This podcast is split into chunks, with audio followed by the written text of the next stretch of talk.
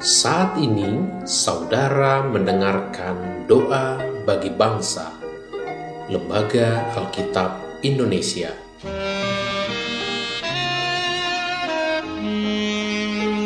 Doakan, wartakan, donasikan melalui linktr.ee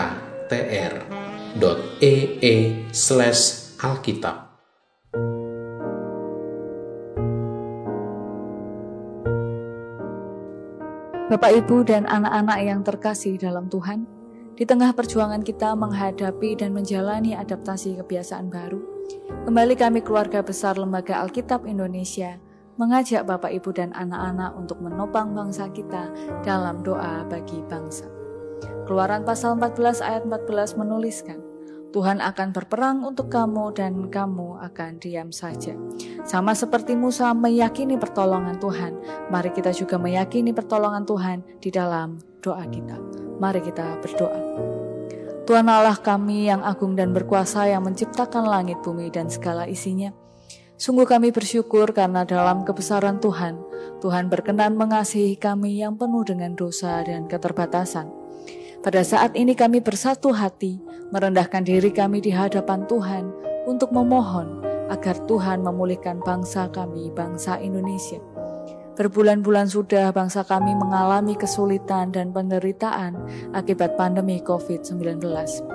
Kiranya Tuhan menyertai pemerintah kami, seluruh anggota medis, dan seluruh aspek masyarakat yang terus berupaya di dalam menangani COVID-19 ini.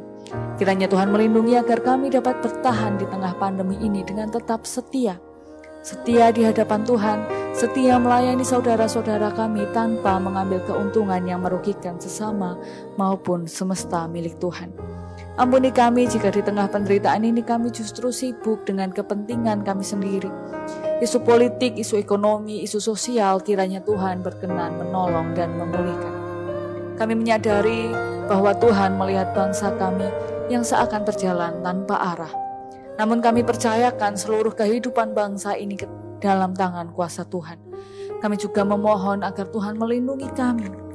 Mulai dari anak yang kecil hingga yang sudah berusia lanjut, yang harus tetap melaksanakan tugas dan kewajiban kami di tengah pandemi COVID-19 ini dengan tetap melaksanakan adaptasi kebiasaan baru.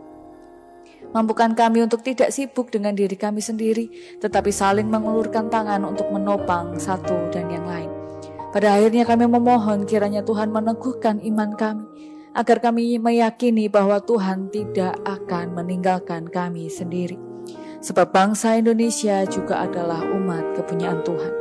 Kiranya kasih karunia dari Allah Bapa kami, damai sejahtera dari Tuhan Yesus Kristus, dan persekutuan dengan Roh Kudus melingkupi, menguatkan, dan memulihkan kami hari ini sampai selama-lamanya. Di dalam belas kasih anakmu Tuhan Yesus, kami berdoa. Amén.